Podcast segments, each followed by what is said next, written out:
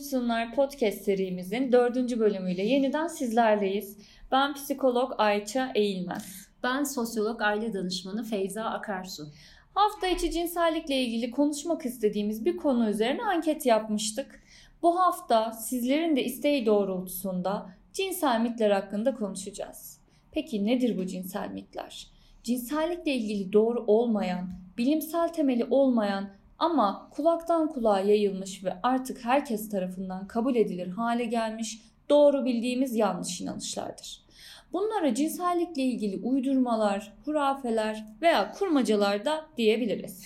Evet Ayça, toplumumuzda cinsel mitler ne yazık ki kişilerin ve çiftlerin hayatını oldukça olumsuz etkileyebiliyor. Ve gün geçtikçe cinsel mitler nedeniyle sorun yaşayan çiftlerin sayısı da artıyor. Çünkü cinsellik ülkemizde hala bir tabu ve mahrem bir konu olarak görülmekte. E, bitlerin altındaki sebeplere baktığımızda ise en belirgin olarak cinsel bilgisizlik ön plana çıkıyor. Toplumun cinsellikle ilgili konuları açıkça konuşmaması, cinselliği yasaklar, günahlar ve ayıplar üçgeninde yaşıyor olması bu yetersizliğin de doğmasına neden oluyor diyebiliriz. Tüm bunlara cinsel mitler de eklenince cinsel yaşamımız olumsuz yönde şekillenmeye başlıyor. Dilersen Ayça yavaş yavaş en yaygın cinsel mitler neler bunlardan bahsedelim. Tabii e, benim aklıma ilk gelen cinsel mit sevişmeyi başlatan kadın ahlaksızdır yaklaşımı. Bu yaklaşım kesinlikle ama kesinlikle yanlış maalesef toplumda e, sevişmeyi başlatma, cinselliği isteme, haz alma konusunda kadınlara biçilen pay istememenin ahlaki olduğu yönünde. Ve bu tutum kadının cinselliği kötü ve yanlış bir eylem olarak algılamasına yol açabiliyor ne yazık ki. Oysa doğru olan e, kadınların da erkekler kadar cinsellikle ilgili isteklerini dile getirmesi, sevişmeyi başlatabilmesidir. Bu o kişilerin sağlıklı bir cinsel hayatı olması ve kadının da özgüveni açısından olmazsa olmaz bir tutumdur.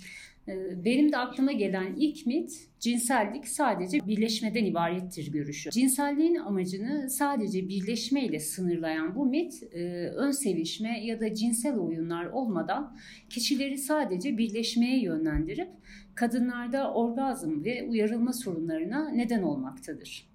Tabi topluma baktığımızda en yaygın mitlerden biri de kadınlar için ilk cinsel birleşme ağrı dolu ve kanamalı olur görüşü. Hayır tabii ki arkadaşlar.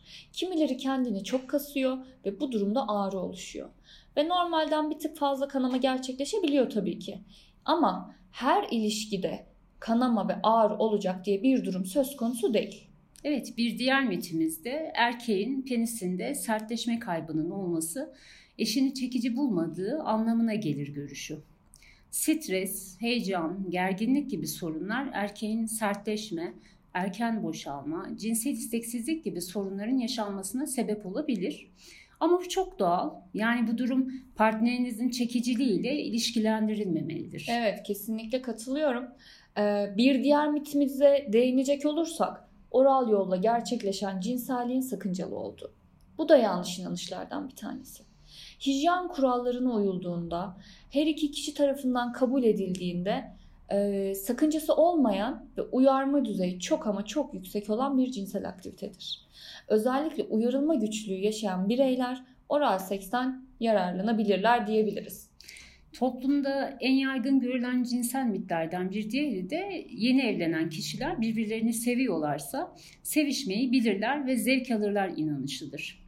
Bu tarz inanışa sahip çiftler bir cinsel sorun karşısında birbirlerine olan sevgilerinin azaldığını varsayarak cinsel yaşantıdaki değişiklikleri sevgilerini sınayan bir durummuş gibi algılıyorlar Ayça. Bu da çiftleri baskı altına almanın ötesinde öğrenmelerine ve tecrübe kazanmalarına engel oluyor. Evet Feyza bir diğer mitimize baktığımızda e, toplumda Erkekler cinsel ilişkiyi her zaman ister ve buna her zaman hazırdırlar görüşüne sahip olan insanlar olduğunu görüyoruz. Bu mitin hakim olduğu zihinlerde e, yoğun bir performans kaygısı yaşanacak olup e, kaygının tekrarı neticesinde sorunun kemikleşeceğini söyleyebiliriz.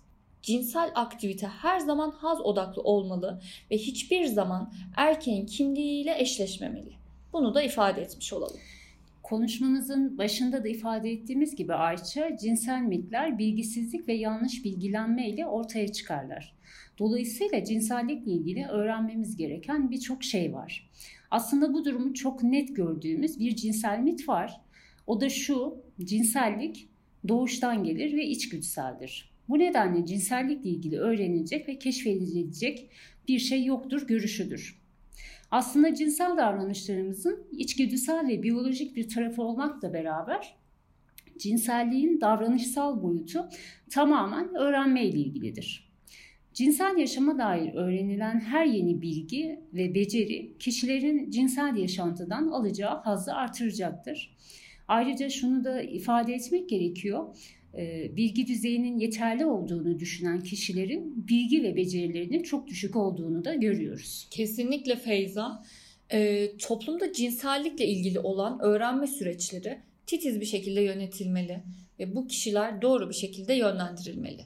Hepimizin de bildiği gibi kadınlar için en hassas dönemlerden birisi hamilelik.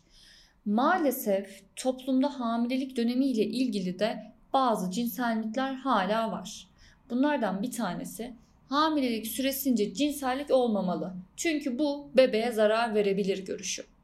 Bu yanlış inanç sebebiyle hamilelik döneminde çiftler bireysel tatminlerini ön plana alıp mastürbasyon yaparak cinsel doyuma ulaşmaya çalışıyorlar.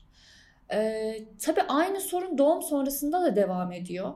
Gerçekte ise bu durum e, eşlerin cinsel yaşamdan uzaklaşmasına sebep olabiliyor. Doğrusu nedir peki? Riskli bir gebelik yaşamıyorsanız, yani bir düşük öykünüz yoksa veya erken doğum olasılığınız yoksa gebeliğin ilk 6 ayında cinsel birleşmenin bir sakıncası olmadığını söyleyebiliriz. Ee, evet Ayça, sağlıklı ilişkiler kurmak ve bilinçli bir toplum oluşturmak için kat etmemiz gereken çok yol var. Bu evet. kaçınılmaz. Bir de hepimiz için kaçınılmaz ve oldukça doğal olan bir durum var. O da yaşlanmak. Toplumdaki cinsel mitlerden biri de e, yaşlılıkla birlikte cinsellik de biter görüşü. Menopoz ve antropoz dönemini aşmış e, orta yaşlı ve yaşlı insanların zayıf, çaresiz ve yetersiz olduğu fiziksel yakınlaşmaya istekli ve yeterli olmadığı kanısı oldukça toplumda yaygın bir mit. Fakat sanıldığı gibi yaşlılıkla birlikte cinselliğin bittiğini söyleyemeyiz. Çünkü cinsellik aynı yeme içme gibi yaşam boyu devam eden bir gereksinim.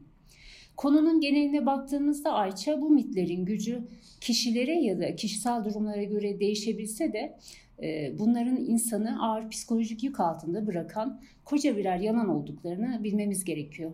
Evet Feyza kesinlikle katılıyorum. E, cinsel mitler ve yol açtığı sorunlar konusunda var olan sorunun kimden kaynaklandığının çok iyi bilinmesi her iki tarafın da muhtemel yönlerinin saptanması ve bu konuda da çiftlerin kendilerini geliştirmesi çok ama çok önemli. Ee, son olarak şunu belirtmek istiyorum. Cinsel mitlerin tedavisinde tedavi olarak ilaçtan ziyade ilk olarak eşler arasında cinsel uyum oluşturmayı amaçlayan cinsel terapi kullanılmalı. Eğer çiftler arasında bu tarz mitler görülüyorsa öncelikle bir cinsel terapistten danışmanlık alınması gerektiğini söyleyebilirim. Tabii ki Ayça şüphesiz bu konuda bir uzmana danışmak çiftlerin ve bireylerin kendilerine yapacakları en büyük katkılardan biri olacaktır. Unutmayalım ki yanlış inanışlarla baş etmenin ve cinsel kaygıyı azaltmanın en iyi yolu psikoeğitimdir. Bu saptırılmış olan bilgileri lütfen gerçeğe dayalı olanlarda değiştirelim. Evet, bugün toplumda en çok karşılaştığımız cinsel mitlerden bahsettik. Bırak konuştuğunlardan bu hafta aktaracaklarımız bu kadar. Gelecek hafta başka bir konuyla sizlerle birlikte olacağız. Görüşmek üzere, kendinize çok iyi bakın. Kendinize çok iyi bakın, hoşçakalın.